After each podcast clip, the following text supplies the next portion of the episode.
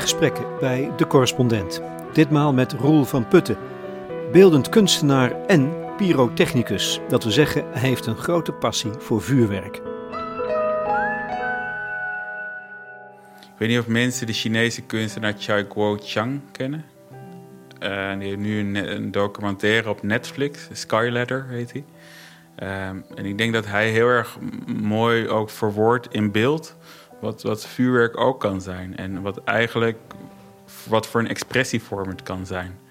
En Chai Kuo-chang uh, is ook die is begonnen met buskruidtekeningen. Dus dan sprankelde hij buskruid over zijn doek en dat stak hij aan. En dan de schroeiplekken, dat, dat werden de schilderijen.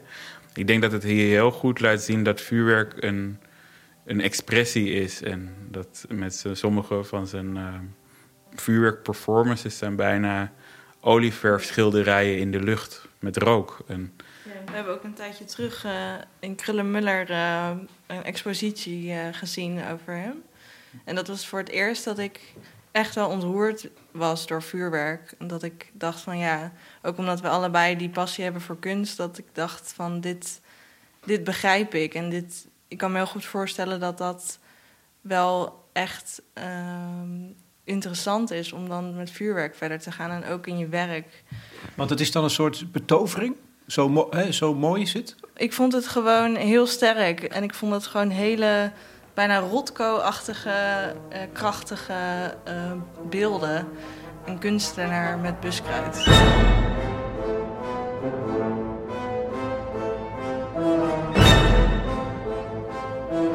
Het is Hanna die de correspondent heeft aangeschreven. En ze houdt niet eens van vuurwerk. Maar ze maakte van nabij een kleine tragedie mee. Haar vriend is dit jaar een eigen vuurwerkbedrijf begonnen. Een droom ging in vervulling, maar door het algemene vuurwerkverbod, dat onlangs onder de corona-noodwet is afgekondigd, is die droom al meteen ook weer kapot geslagen. Ze schrijft: Het doet mij verdriet dat zijn verhaal over vuurwerk niet gehoord wordt. Hij wil heel graag meer bewustzijn creëren rondom dit onderwerp en een open gesprek aangaan. Ik ken hem als een politiek bewuste, creatieve, empathische en verantwoordelijke man die niets liever wil dan een rechtvaardige maatschappij. Al dus Hanna. Nou, dat kon ik niet op me laten zitten. En wat blijkt, Roel van Putten is geschoold als beeldend kunstenaar en heeft ook zelf, onder andere in China, vuurwerk gemaakt. Ik denk mijn sterke kant als vuurwerk maken is het overbrengen van het gevoel van het vuurwerk. Uh, bijna de choreografie ervan. De, de, de dans van het vuur, zou ik het zeggen. En het, misschien het verenigen van verschillende groepen die misschien niet zo heel veel met vuurwerk hebben. Uh, en te kijken hoe dat aan elkaar te lijmen is, dat, dat, vind, ik, uh, dat vind ik mooi eraan. De dans van het vuur. Ja, ja. ja we hebben toen voor een uh, vuurwerkbedrijf een, een PR-campagne gemaakt. Uh, hadden we een, een NAVO-vliegveld kunnen huren. En daar hebben we dan drie YouTube-teams tegen elkaar opgenomen. En een soort van strijd wie de mooiste vuurwerkshow kon maken. Maar dan, dan zag je echt een soort van een dans van een vuur ontstaan. Van, uh, dat ze gingen nadenken van, oh, oké, dan dat werkt zo, dat werkt zo. En dan langzaam ontstond er iets en dat vond ik heel mooi. Een vuur, heeft dat ook voor jou een soort emotionele of artistieke of symbolische waarde? Uh, nou ja, vroeger als kind was ik altijd geobsedeerd door vuur. Dat was... Uh, nou, je zet het toch altijd... Je hebt één keer uh, de knuffel van je zusje in de fik gezet, ja. toch? Vertel er eens iets meer over. Misschien moet dat niet op de radio. nou ja, ik was gewoon... Dat heeft ze nooit geweten. nou, ik was geobsedeerd door, door vuur en, en ja, eigenlijk door vuurwerk. Maar alles wat brandde, dat vond ik fascinerend. En dat, dat... Weet je wat dat is? Uh, nee. Vernietigend? Ja, vernietigend. Maar ja, ja bron van leven, toch? Het was ook, ja, het was ook scheppend ergens. Dat, dat sinds, sinds dit vuur is uitgevonden in de prehistorie... zijn de mensen er al mee bezig om te kijken... als we dit erop gooien of dat erop gooien... dan brandt het langer of verandert het van kleur. En ja, ik vond dat ook interessant. Van het, ik, mijn opa vertelde wel eens een verhaal... dat hij een scheikundesetje had gekocht... En met het methaangas uit een koe per ongeluk de stal in de fik had gezet. En dat, ik vond dat een fascinerend verhaal. En daardoor is het denk ik ook wat meer fascinatie voor vuur gekomen. Van, uh, ja. Nou ja.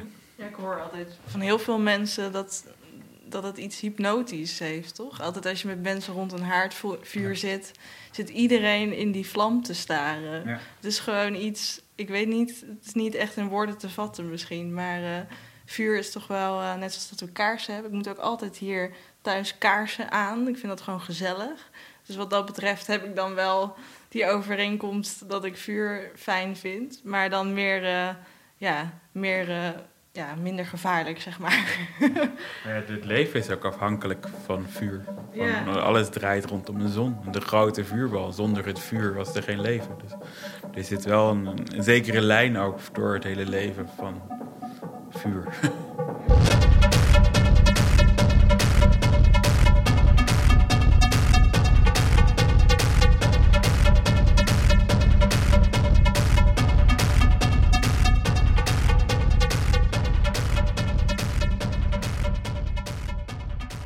Ja, het begon als kind dat ik met mijn, ja, dat mijn vader dan vuurwerk kocht. Maar wij, ja, mijn ouders waren niet zo van het vuurwerk, dus we kregen altijd een eh, voor 25 gulden meterpakket. Maar ik vond de labels altijd heel erg interessant. En ik vond de labels heel fascinerend om naar te kijken. Dus, En die, als je het hebt over labels, dat is hetzelfde als het etiket op een fles wijn, hè? Zoiets, ja, denk ik. Ja, precies. Ja. Eh, destijds waren ze ook meer Chinees.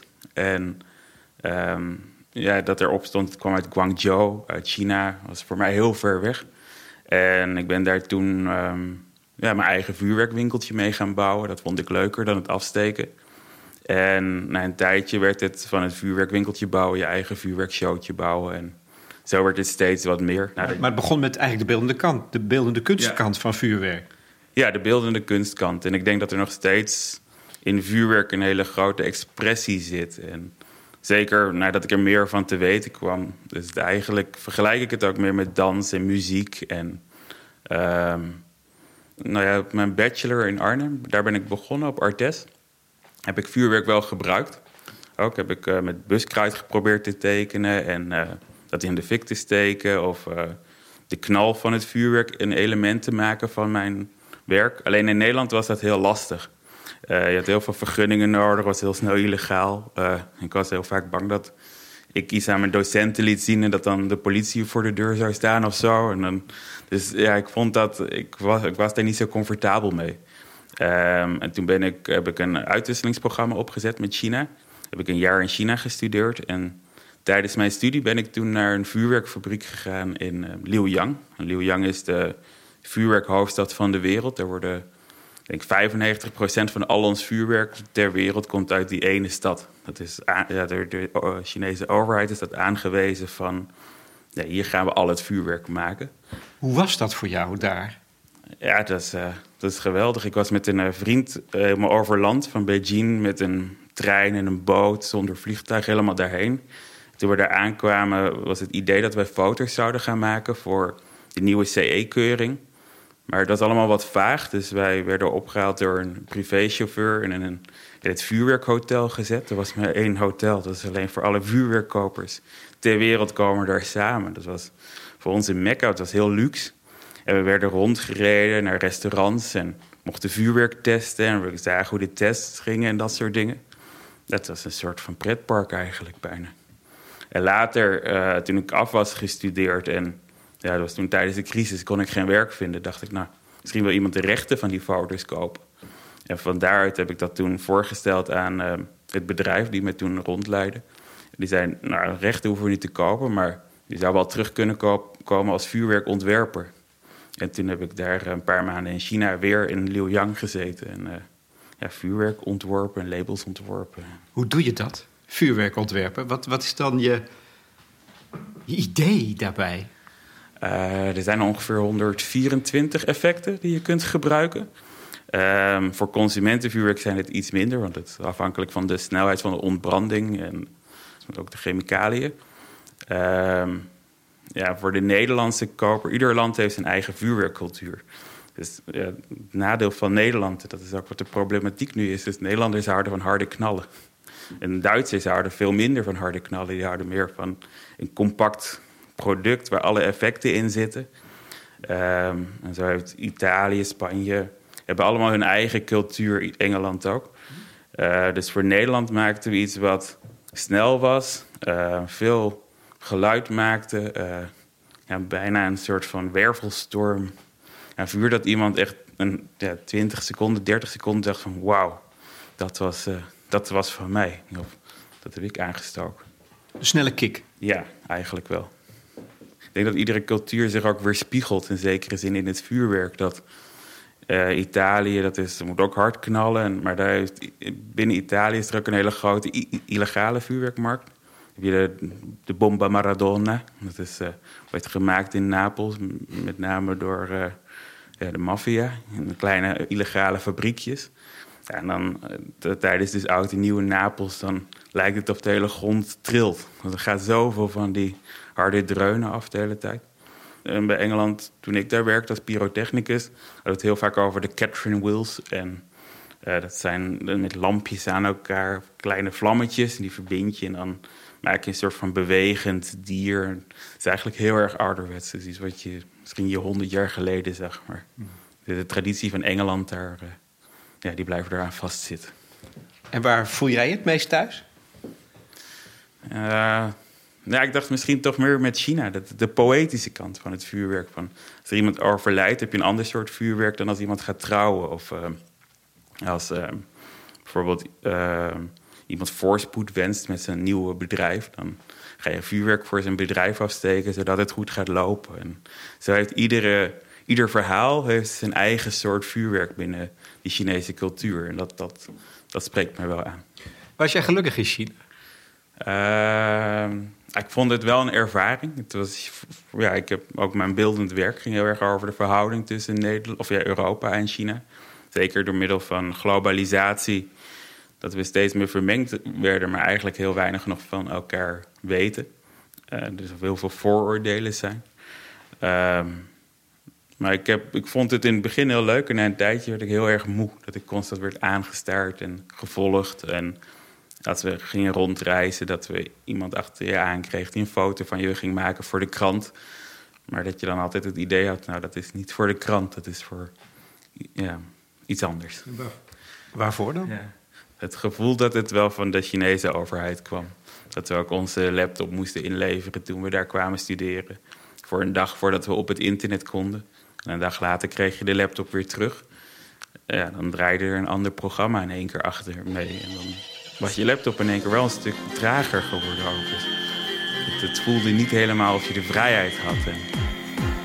Lijkt mij een understatement, uh, Rob. Ja, ja dat, dat, vond ik, dat vond ik heel lastig ook om aan te, ja, te denken. Wat kan je doen en wat kan je niet doen.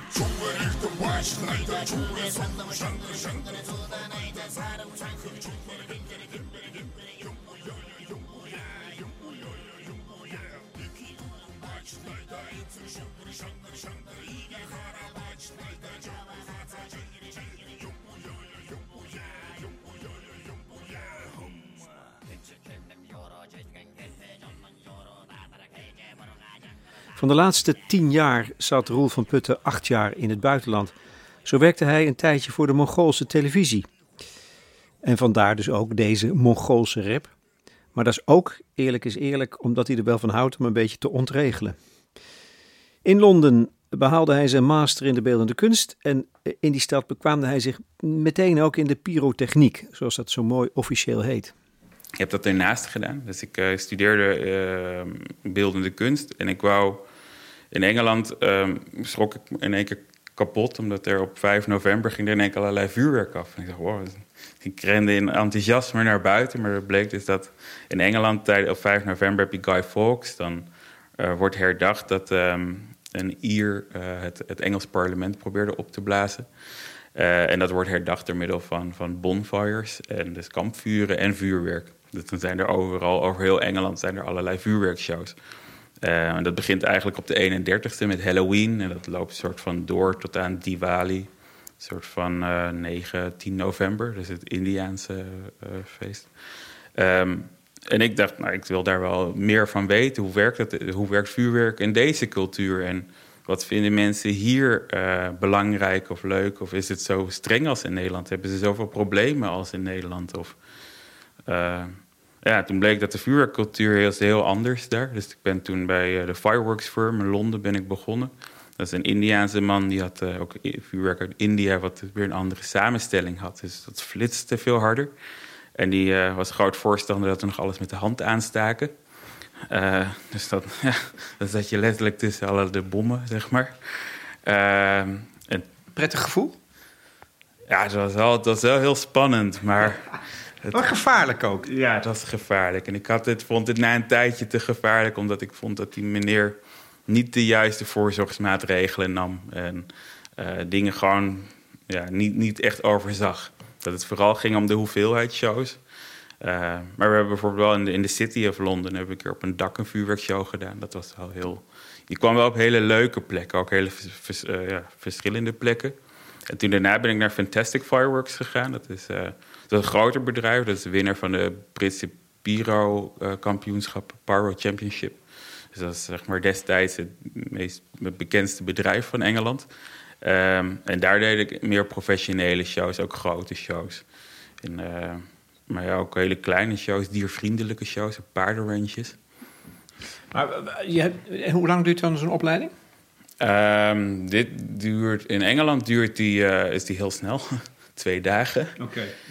Uh, maar ja, je, het wordt wel verwacht dat je shows meeloopt. En daar krijg je ook ja, een, een, dagloon voor, zeg maar. Dus dat is de manier waarop je het leert? Door ja. mee te lopen met professionals die shows uh, maken? Precies, ja. En in Nederland uh, is het ongeveer 1500 euro. En moet je nog een keer 10 shows onbetaald als stage meelopen. En dan moet je eigenlijk ieder jaar doen. En in Engeland is het meer bijna hobbymatig. Ik denk dat de, de pyrotechnici die ik daar sprak... Ja, het ging meer om hun tools en kits. En het vuurwerk vonden ze minder interessant. Ze vonden het meer leuk om met andere mannen uh, technisch bezig te zijn. Dat is bijna iets weg van een soort van scouting eigenlijk. Maar het is niet geheel van gevaar ontbloot. Uh, jij, jij, weet hoe je met vuurwerk om moet gaan. Uh, en waar komt dat dan door? Wat weet jij dan meer dan andere liefhebbers? Ik denk dat je de bewustwording leert. Zeker op het moment dat je het echt met de hand gaat aansteken, dan krijg je ook respect voor het vuurwerk. Het respect dat als een shell de lucht in gaat en ja, je hoofd erboven is, is je hoofd eraf. Je voelt de, de druk als, als zo'n bom een buis uitgaat en je zit er letterlijk naast, door je hele lichaam schieten. Maar is dat ook wat je ook aantrekkelijk vindt? Die sensatie van gevaar slash angst? Um, ja, dat is me altijd aangetrokken aan vuurwerk. Dat ik uh, wat ik interessant ook vind aan vuurwerk en wat mij aantrok was... op het moment dat je het lont aansteekt, dan heb je de controle niet meer. Dan geven we de controle uit handen van het stuk van het vuurwerk. Want dat volgt een, een route, het, het, lont volgt een route en dat tikt buisjes aan. En die buisjes die lanceren weer ja, projectielen de lucht in... die wij dan uiteindelijk als vuurwerkeffecten zien. En dan kun je nog alles zo goed voorbereiden. Maar als iemand in China een foutje heeft gemaakt bij het doorlonten van al die uh, buisjes, en dan kan het daar ook misgaan. En ja, het stukje dat wij in een zo'n gecontroleerde samenleving leven, waar bijna eigenlijk alles is afgebakend door uh, ja, onze data ondertussen. Maar dat we dan nog steeds in iets hebben waar de controle even los is van 20 seconden. Zoals van als je bijna ja, door de ruimte zweeft, dan dat is wel, wel interessant ook, of wat mij wel aantrok altijd daar. En is dat ook in algemene zin, in culturele zin, bijvoorbeeld in Nederland, wat er, wat er speelt? Je aan de controle, nou, we hadden het net over de, de Chinese controle over burgers, maar uh, dat je je even als burger aan elke vorm van controle mag onttrekken? Ik denk dat het, er, dat het er wel bij meespeelt, ook wat ik zei, dat het een vorm van expressie is. Dat het, ik denk als we gaan kijken naar heel veel, uh, ook de, de, vuurwerkculturen alleen binnen Europa al, dat we ook heel erg uh, onze culturele achtergronden weerspiegeld zien binnen vuurwerk. En dat het voor, voor sommige mensen bijna als een soort van ja, lokroep is om even. Ja, die zullen misschien niet zingen of muziek maken, maar die laten zich horen door middel van het vuurwerk. En voor hen is dat ook een manier om je te laten gelden. Ja, precies. Maar Zie je dat zo? Is het een antwoord op het gevoel dat mensen niet gezien en niet gehoord worden, maar al te vaak in deze samenleving? Ja, ik denk dat dat wel meespeelt. Ik denk dat zeker dat dat eigenlijk meespeelt. Dat is ook waar heel veel vuurwerk um, qua design op gestoeld was. Als we kijken bijvoorbeeld naar Napels. Um, Napels is vuurwerk, het maakt ook de man. Dus als jij het mooiste vuurwerk, het is een statussymbool. Als jij het mooiste vuurwerk van de buurt hebt dat jaar, dan blijf je een paar maanden ook de man in de buurt. Van het, het geeft je aanzien. Dus ik kan me vooral voorstellen dat dat voor één ook een auto kan zijn om te laten zien ik besta. Kan, dus dat ook voor andere vuurwerk. Van. En ik denk inderdaad voor een groep mensen die zich niet gehoord of gevoeld wordt, kan of, ja, vuurwerk wel een, een culturele uitwerk, ja, uitwerking zijn om dat te laten zien. Who said study will get you work? Who said school will get you class? Who said that job will get you the cash? Who said that loan will save your ass? Who said money covers all the expenses? Who said love will save the kids? Who says forever is not divorce? Who says your dream will get you a Porsche? Vraagt het natuurlijk, Roel, um, omdat er een, uh, inmiddels een, een vuurwerkverbod is afgekondigd. Um, vallend onder de noodwet vanwege corona. Wat vind jij daarvan? Uh, nou, ik had een eigen winkel dit jaar voor het eerst. Ik heb daar ook uh, lang voor gespaard. Ik heb geld van mijn ouders kunnen lenen daarvoor. Wat voor winkel is dat? Hoe is ja, echt een vuurwerkwinkel. Ik heb via een, een, contact in Hogeveen... ik heb altijd in de groothandel gewerkt...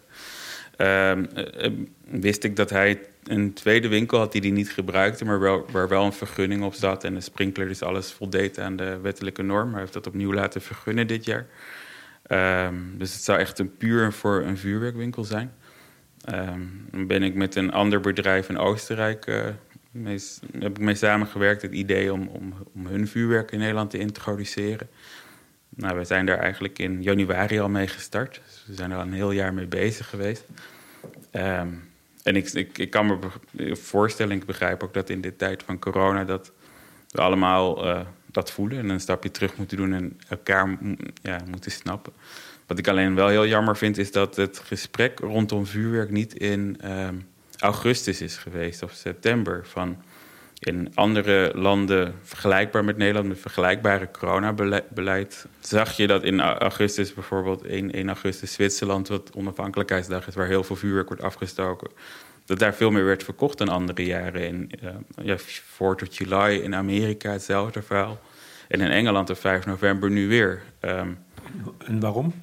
Omdat er heel veel evenementen waren afgeschaft. Mensen zijn niet op vakantie geweest. Dus voor die mensen ja, was dit een, een alternatief om eventjes um, ja, met iets anders bezig te zijn. Los te staan van wat er gebeurde. Um, ik denk ook voor veel mensen een verzetje ergens. Um, dus ik, wat ik dan niet begrijp is dat de Nederlandse overheid dit ook heeft moeten zien in augustus of september. En ik vind het nog steeds moeilijk te begrijpen dat we eigenlijk hebben gewacht op de coronamaatregel. Dat we dan in één keer heel snel kunnen afdwingen uh, op, de, ja, op de ziekenhuizen en de ja, corona op het moment. En ik denk dat er heel veel schade en uh, frustratie voorkomen had kunnen worden als we dit gesprek met z'n allen eerder gestart waren. En niet pas in ja, echt twee, twee weken voor december. Uh, maar jij bent nu ernstig gedupeerd als start-up? Ja, ongeveer 30.000 euro. Ja, ik zit vast aan contracten, dus dat is 30.000 euro. Ik heb het geluk dat ik met een Oostenrijks bedrijf samenwerk. Dus dat vuurwerk had ik ja, is halverwege teruggestuurd. Maar ja, er staat nog wel een rekening open van ook nog een keer 30.000 euro die nog betaald moet gaan worden. Dus je hebt opeens een schuld van 60.000 euro? Ja, klopt. Ja, dat is voor jou persoonlijk een catastrofe. Ja, en dat dat voorkomen kunnen worden op het moment dat wij dat gesprek in augustus of september hadden gehad, dan had ik die investeringen niet hoeven te doen. Um, maar doordat het nu zo laat is geweest, ja, dan was alles al aan, het rollen. Dus dat, dat konden we niet meer stoppen. En, en waarom stelt de Nederlandse overheid dat gesprek dan uit? Uh, Denk jij? Nou ja, omdat um, voor mij, zoals ik het nu zie, was het juridisch niet haalbaar om, deze, uh, om een vuurwerkverbod in te stellen. Omdat die gesprekken zijn er al geweest in maart. En heeft het kabinet gezegd, nou, we gaan een aantal typen vuurwerk verbieden. Dus knalvuurwerk, vuurpijlen. Maar we zien niks in een algeheel verbod. Binnen een noodverordening kan je in één keer onder het norm van corona... kun je dat dus wel doorvoeren. En er is ja, gewacht totdat de Senaat, de Eerste Kamer, akkoord is gegaan. En geen week later is in één keer het debat. En ja, wij waren nog bezig met de winkel en toen hoorden we al via de NOS van er, er komt een algeheel verbod. Alleen voor onze kennis was nog dat er een, een week overlegd zou worden voordat het echt definitief was. Maar omdat het al zo groot in de media was, had je het gevoel dat het gaan ze niet meer omdraaien. En ook de bronnen, ik heb nooit de bronnen gehoord van waar, waar de NOS het vandaan had gehaald. Of, nog steeds kan ik het begrijpen, maar het zou ik wel fijn vinden om, als we het hebben over dat de ziekenhuizen het niet aankunnen, op welke cijfers baseren we het dan? Is er een rapport geweest? Um, ik heb zelf ja, twee rapporten van de overheid gevonden. En uiteindelijk blijkt dus dat er uh, van de 385 slachtoffers die gevallen zijn, het grootste gedeelte op de huisartsenposten zijn geholpen. Uiteindelijk zijn er elf mensen ja, in het ziekenhuis eh, moeten blijven. Um, maar als we het dan vergelijken met, met vier jaar geleden, is het een halvering van het aantal vuurwerkslachtoffers. Dus dat ging al naar beneden. Je argument is: druk niet op de zorg in de ziekenhuizen, want komen, de slachtoffers komen bij de huisartsenpost terecht. Dus dat argument telt niet van je moet de zorg ontlasten. Ja, ik vind het. Ja, het argument. Ja, nee, ik denk niet dat het argument telt. Nee, want als ik ga kijken, als ik zelf de cijfers die ik kon vinden op zoek, dan, dan qua ziekenhuizen komt er weinig zorg bij. Um, dan zou ik graag het, de, de, cijfers van deze partijen willen zien waarop zij hun um, beslissing hebben genomen. En dat er meer transparantie zou komen in dit hele besluit. En ik denk dat dat ook voor heel veel mensen de frustratie zou weghalen van. Ja, dan begrijpen we het. En nu is het van er is een beslissing genomen op een reden ja, als, zelf, als je zelf de cijfers zoekt, dan, dan, dan is het moeilijk te rijmen met wat er gezegd werd. Maar er zijn wel redenen om uh, tegen vuurwerk te zijn, hè? Om, of om te pleiten voor een vuurwerkverbod. En dit is niet het leukste onderdeel voor jou misschien van het gesprek, maar wel noodzakelijk. Er vallen jaarlijks slachtoffers. Vorig jaar, nou ja, in Arnhem uh, een gruwelijk incident in een lift door jongetjes. Maar het zijn er altijd honderden. Ehm, dat kun je toch niet ontkennen? Dat is toch, dat is toch een reëel gevaar waar we iets aan moeten doen, of niet? Ja, ik denk, daar ben ik het ook mee eens. Ik denk dat daar ook iets aan gedaan moet worden. Ehm, ik denk dat het ook begint bij een stukje bewustwording... waar we het net over hadden... van wat is nou het gevaar van vuurwerk? Um, ik denk dat die bewustwording al veel eerder moet beginnen... bij, want, ja, bij eigenlijk middelbare school, eerste jaar dat je kijkt naar het aantal slachtoffers. Het grootste aantal slachtoffers is tussen de 13 en de 19 jaar. Dat is bijna 45 procent van het aantal slachtoffers. En om die reden hebben wij in 2014 heb ik een voorstel gedaan van de vuurwerkbus. Dus dat was een bus die langs middelbare scholen ging met uh, vuurwerkprofessionals en ervaringsdeskundigen die dan uh, vanuit hun een verhaal vertelden. niet een verhaal wat uit, vanuit het bureau HALT kwam waar het vooral om regels ging, maar gewoon om te vertellen van ja, dit, is het gevaar van vuurwerk. Ja, besef je wel van dat het net zo gevaarlijk is dat als je dronken achter het stuur gaat zitten, dat als je dronken een lontje aan gaat steken, want het is een explosief, het is, niet, het is geen computerspel. Um, en toen hebben we, ja, we hebben een heel programma opgezeld. We hebben met Nederlandse importeurs gesproken. Die hebben de gratis vuurwerkbrillen ter beschikking gesteld. Gratis veiligheidslont. Uh, we hebben gehoord dat er voor, bij scholen daar een budget voor was vanuit gemeentes. En op het moment dat we dan de scholen belden, dan zeiden ze: ja, voor ons is dat niet interessant. We krijgen ieder jaar een poster van HALT. En HALT is het bureau dat uh, jongeren die ontsporen in het gereel moet brengen. Ja, precies. Jongeren die te vroeg vuurwerk afsteken, komen bij HALT voor een taakstraf. En eh, ja, Halt kwam vroeger ook bij mij op school. En dan kregen we een heel oud filmpje te zien. En een, een beetje een raar stuk vuurwerk, wat ik nooit had gezien. En ja, het jongeren vond ik het lastig om dat uh, serieus te nemen. Ik had liever gehoord van iemand die echt uit die wereld kwam... die mij een goed verhaal kon vertellen. Leer die jongens dan dat veilig te doen... en zorg dan dat het moreel niet oké is om een bushokje op te blazen... of een prullenbak op te blazen. Van zorg er dan voor dat we met z'n allen uh, elkaar meer gaan begrijpen daarin. Zowel de tegenstanders als de voorstanders van vuurwerk. Want... Ja, daar zit wel mijn belangrijkste bezwaar. Ik ben geen liefhebber van vuurwerk, wel naar te kijken. Maar ik, nou ja, verder dan sterretjes ben ik nooit gekomen in mijn leven. Maar ik ervaar, ik, ik heb decennia in Den Haag gewoond. ehm, ervaar vaak het gebruik van vuurwerk bijna als een vorm van agressie. Dat heeft niet zover, voor mij niet zo niks meer te maken met lol of schoonheid of expressie. Ja, expressie van agressie. Ehm, ik kan het me voorstellen als je alleen maar harde dreunen hoort en knallen hoort. En ik denk ook dat er een groep is die het daarvoor gebruikt. Ehm, maar, maar dat is dan toch iets wat je zou moeten willen verbieden? Ik denk, of inperken? Ja, maar ik denk alleen met, met het verbieden en het um, tegengaan... dat ook de expressie vanuit die andere kant weer groter wordt om daar doorheen te willen breken. Als iemand iets verbiedt of ja. ontzegt, dan, dan levert dat bij ook weer een groep mensen weer uh, um, een boosheid op, die, daar weer, die dan weer groter wordt. En ik, dat is, is dat ook wat je nu verwacht trouwens? Je hebt inzicht in die, in die branche. Je kent zowel de verkopers als de kopers. Ja, ik denk, uh, mijn, wat ik verwacht is waar bijvoorbeeld vroeger één buurman misschien drie stuks illegaal vuurwerk gehad. Heeft misschien die ene buurman nu één stuk illegaal vuurwerk, maar buurman A, eh, B en C hebben ook één stuk illegaal vuurwerk. Dus dan zit je met de straat met illegaal vuurwerk. En ik denk dat dat wel um, erger wordt. En ik heb het idee dat heel veel mensen zich op dit moment een beetje stil aan het houden zijn. Ja, knalvuurwerk is makkelijk mee te nemen, het is heel klein. Maar het, het, grotere vuurwerk, denk ik, dat, je gewoon, dat, ja, dat er een deel van Nederland zich daar niet aan die regels gaat houden. Maar verkoop jij nu nog? Nee, nee, niks meer. Maar niet iedereen zou zo integer en gewetensvol zijn, denk ik. Nee, ik kan me voorstellen dat er ook winkeliers zijn die nu met een grote financiële strop zitten. Die, uh, denken, ja, en, en, dus illegaal verkopen. Gebeurt dat?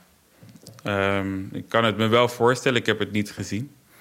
Maar ik kan me wel voorstellen dat er inderdaad winkeliers hun, hun voorraden aan het verkopen zijn.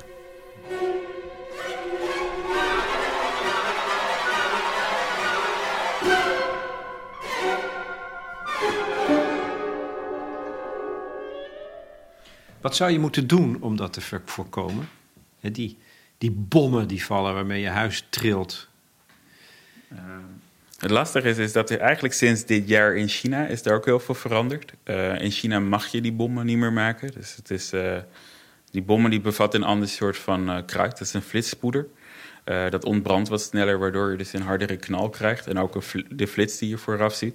Ehm, begin dit jaar is er in China een vuurwerkfabriek ontploft. En heeft de Chinese overheid gezegd: we gaan alle fabrieken opnieuw testen. Dus ze krijgen een, een, een A- of een B-label. Uh, of een C-label. Afhankelijk daarvan mag je dus uh, bepaalde soorten vuurwerk maken. En die andere vuurwerken ja, vertrouwen we jullie niet mee. Dus daar mag je niet mee uh, ja, bezig zijn. maar dat, dat besluit zei ook dat je mag geen hard knalvuurwerk meer maken. Dus 0,2 gram is nu het maximum aan flitspoeder... wat je dus in één bommetje mag stoppen, zeg maar. En hoe hard is dat? Dat is ongeveer even hard als een rotje. Een oud Nederlands rotje. Dus, dus, dus die, die, die, dikke dreunen die we nu horen, die, die zouden eigenlijk niet meer vanuit China moeten kunnen komen. Um, maar ja, dan is er nog steeds een hele grote Europese markt. Dus je ziet de verschuiving naar Europa, waar nu in Europa dit soort fabrieken worden opgezet. Om dit te, te maken. Dus... En dat gebeurt ook. Het wordt, ze worden dus wel gemaakt, maar dan in Europa. Ja.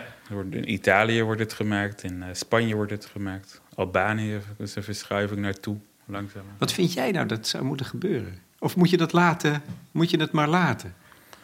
Um, ik denk dat er een, een, een, beter gesprek moet komen ten eerste tussen de voor- en tegenstanders. Dat er een betere begrip komt voor elkaars argumenten. Uh, wat je ook zegt, ik kan me voorstellen dat mensen het als agressie er, ervaren. En ook is er een hele grote groep die dat daar niet mee bedoelt. Ik denk dat er een grotere bewustwording voor zou moeten komen. Misschien zou je zelfs moeten denken over een soort van vuurwerkrijbewijs in zekere zin. Van, ja, dit, zijn explosieven, dus dit, ja, het vergt ook een bepaalde inzicht in waar je mee bezig bent. En misschien kunnen we wel zeggen, het vuurwerk is ook verder geëvolueerd en het vuurwerk is zoveel beter geworden. Maar ja, ook explosiever. Dus moeten we kijken of we daar iets in kunnen doen. En dat mensen gewoon een laagdrempelige test hoeven doen. Niet, niet die 1500 euro 10 shows, maar gewoon dat je gewoon de basisregels snapt. En met dat bewijs kun je bij je vuurwerkwinkel wel vuurwerk kopen, zonder het bewijs niet. Uh, en dat bewijs heb je ook nodig. Als je, moet je op zak hebben als je op vuurwerk afsteekt. Ik denk dat je die kant op moet gaan. Interessante opties, hè? Ja, ik denk dat dat een alternatief is. Want je hebt ook vuurwerkclubs. Alleen niet iedereen zou zich daarin thuis voelen. Dan is het ook afgebakend. En op dit moment, en ik denk als je het praat over een soort van vuurwerkrijbewijs, dan, dan is het ook niet zozeer de overheid die daar per se uh, heel veel geld aan kwijt is. Dan is het aan de mensen zelf van, is het mij waard om zo'n bewijs te halen? En hou het laagdrempelig dat het voor iedereen betaalbaar is. Niet alleen voor een bepaald aantal rijke mensen, maar ook gewoon voor de minima, die dat ook leuk vinden.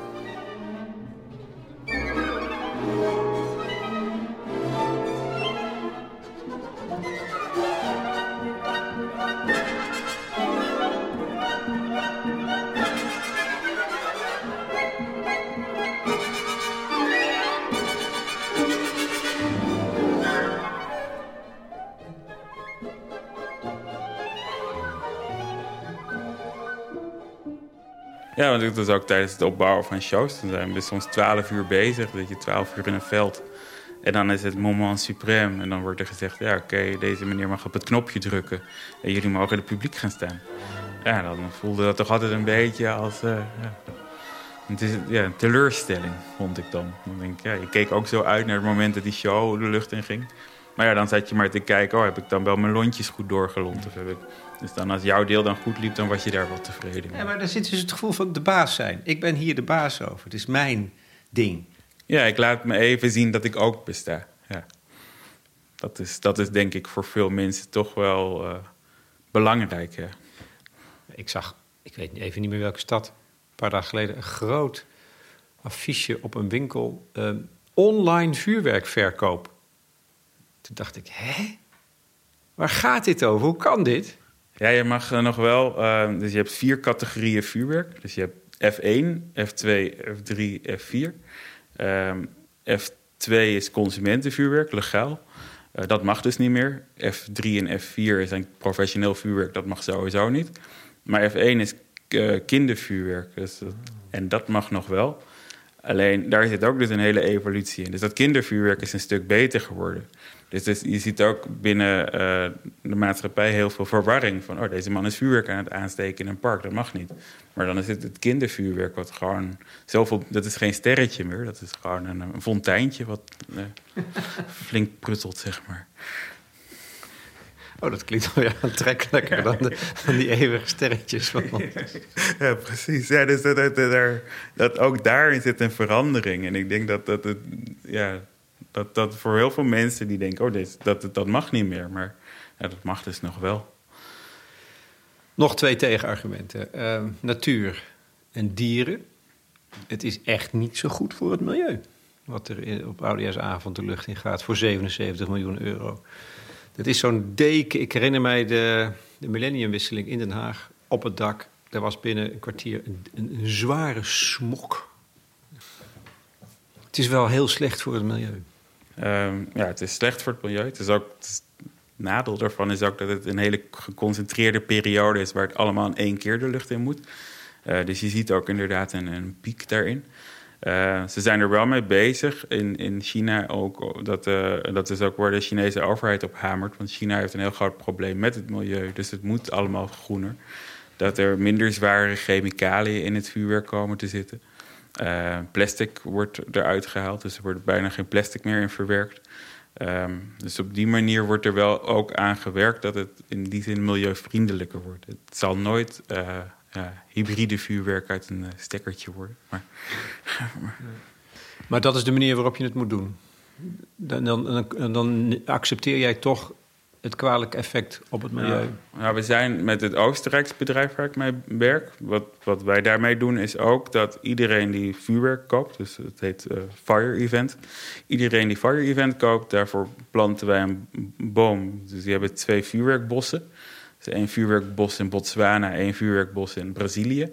En dat hebben ze aangelegd om uh, dat bomen die zuiveren dus de lucht. En het is belangrijk dat op die plekken dus uh, de bomen blijven voor het ecosysteem. Dus hun erkennen ook van ja, vuurwerk is slecht. En we zijn bezig met de chemicaliën eruit te halen. Maar wat wij daarvoor terug willen doen is het planten van dus die bomen. Dus een deel van hun omzet gaat dus naar die bossen toe. En wat vind je van uh, de overweging om het minder te, om het te reduceren of niet meer te, te verbieden op oudejaarsavond? Vanwege uh, het effect op dieren. Ik, ken, ik weet niet of, je, of jij huisdieren hebt. ja, ik ben, op, ben opgegroeid met, met honden, maar mijn honden gingen mee het vuurwerk afsteken. Die vonden het heel leuk. Hoe heb je dat voor elkaar gekregen? nou ja, mijn, mijn moeder was heel erg goed met de honden. ja, dat is waarschijnlijk klopt het niet, maar we hebben, ik heb altijd geleerd dat een hond neemt de angst van jou over. Dus als ik het niet, ja, ik vond het niet erg. En de hond schrok wel, maar op het moment dat ik de hond niet aanraak of niet vertroetel op het moment van de schrik, dan neemt die hond mijn angst niet over. Dus die honden die, die konden gewoon goed tegen vuurwerk. Ehm, maar ik heb, we hebben ook een kat gehad die er niet zo goed tegen kan. En die had er erg stress van. Ehm, ja, dat, dat, dat vind ik wel lastig inderdaad. Dat is ook lastig om te zien. Ehm, en ik denk ook dat, dat ja, daarin ook een gesprek zou fijn zijn tussen dieren-eigenaren en vuurwerkafstekers. Wat wij vaak deden ook is als er dan iemand eh, met het afsteken van vuurwerk, dat ik ook dat je rekening hield met elkaar. Oh, daar loopt iemand met een hond en dan lopen wij een stukje verder.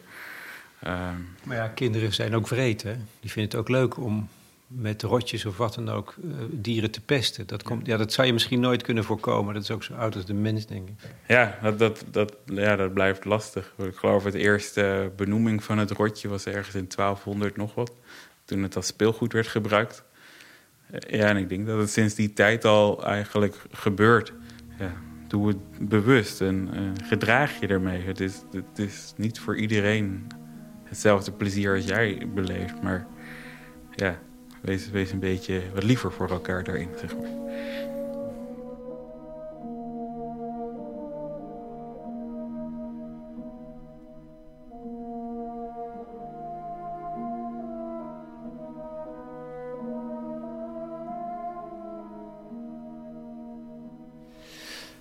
Wat ga jij nou doen, eh, Roel?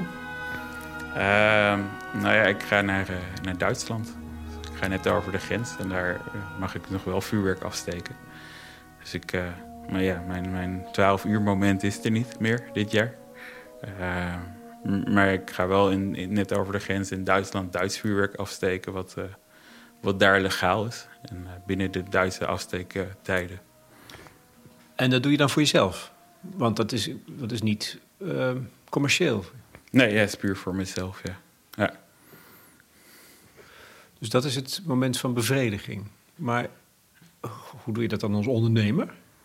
Um, ja, als ondernemer zijn we nu met, uh, met andere dingen bezig. Dus we zijn uh, bezig met het maken van websites. Het vuurwerk is uh, ja, op dit moment van de baan. Kijken wat er te redden valt nu nog. Ik weet ook niet wat de compensatie gaat zijn. Daar hebben we nog niks over gehoord. Um, ik weet wel dat ik voor heel veel sociale regelingen niet in aanmerking kom. Wat de overheid wel zegt dat ik daarvoor in aanmerking zou moeten komen. Waarom niet? Um, omdat ik dus dit jaar, of omdat ik um, normaal als kunstenaar niet zoveel omzette. Maar doordat ik deze winkel had, had ik, was mijn omzet een stuk uh, groter. dus daardoor kom ik niet in aanmerking voor de TVL-regeling. Dus de tegemoetkoming vaste lasten. Uh, omdat Want het was een incident precies. Ja, het valt dus niet te rijmen.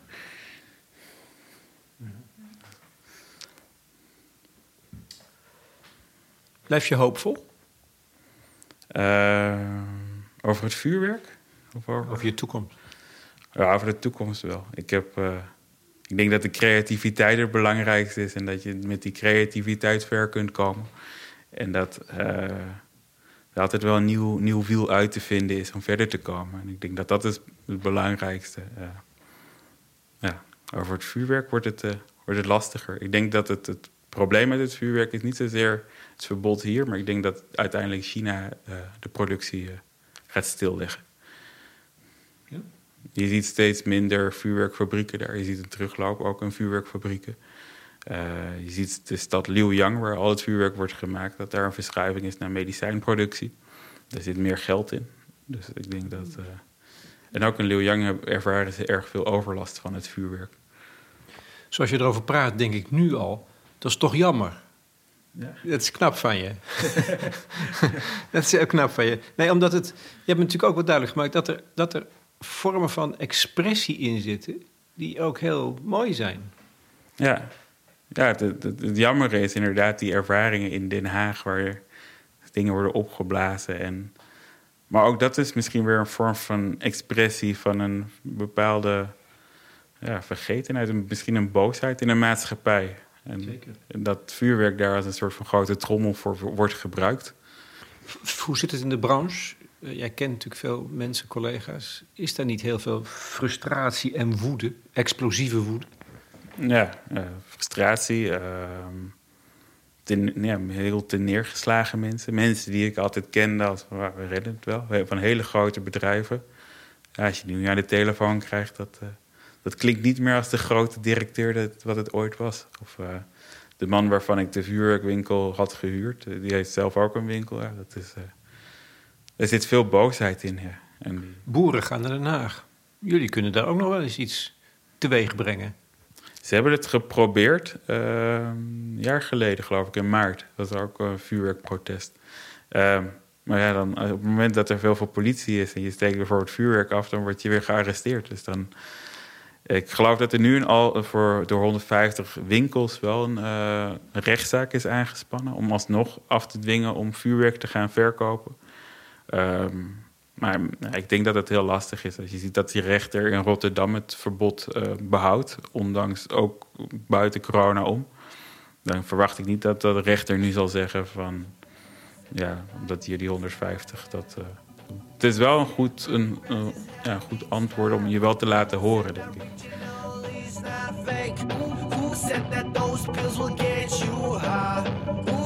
Drugs will make you smile? Maar dat vind ik wel mooi. Dat jij dus ook je eigen show, ook voor jezelf, een show kan afsteken. Dus niet per se voor het publiek of zo, of voor de buurt. Of, vind ik opmerkelijk. Ja, ja, ja ieder jaar eh, doe ik het dus bij mijn schoonmoeder nu. Want die heeft een mooi stukje land ervoor. En dan eh, wordt het helemaal elektrisch steek ik dat af. Dus ik, is met een soort van grote afstandsbediening op een bankje. Dan eh, knopjes te drukken. En dan... ja, mijn vriendin helpt. En dan... eh, En die haatvuurwerk. ja, die vond het niks. De eerste keer dat ze bij mij kwam, zei ik... Oh, is leuk, ik ga mijn vuurwerk afsteken. En toen had ik het afgestoken. En dan zei ik, oh, Hanna, wat vond je ervan? Oh, dat was Hanna was weg. Nergens te bekennen. En toen moest ik zoeken. En toen was haar tas aan het pakken. Ze zei, oh, ik ga maar naar huis, dit is niks voor mij. Maar uiteindelijk hebben we oor, oordoppen gevonden. Een hele grote. En dan is het toch gebleven. En het is geen bom onder jullie relatie. Nee, nog, nog niet, geloof ik. Maar even kijken. Soms. Soms. Want jij vindt het echt moeilijk, hè, Hanne?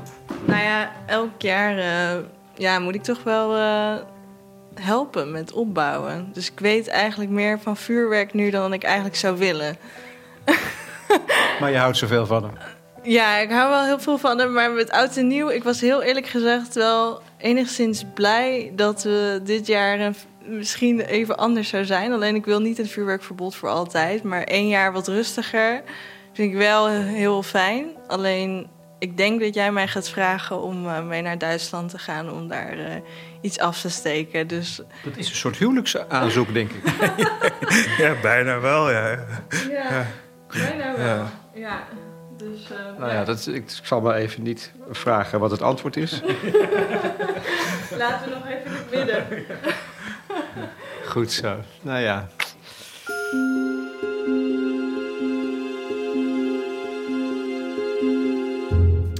Roel van Putten in gesprek met Lex Bolmeijer voor de correspondent over het algehele vuurwerkverbod. En het gesprek vond plaats in aanwezigheid van zijn vriendin Hanna Raap. Wat vinden jullie van het voorstel van Roel om een, nou, een soort vuurwerkrijbewijs in te voeren? Reacties kun je kwijt op het platform van de correspondent. Althans, leden kunnen dat. En je bent al lid voor zeven tientjes per jaar. Daar krijg je een heel jaar lang kwaliteitsjournalistiek voor voorbij de baan van de dag. Eerder dit jaar publiceerde Karel Smouter al een stuk over vuurwerkclubs. Ook een goed idee. De muziek tenslotte die was van Stravinsky, de vuurvogel. Vanwege de dans van het vuur.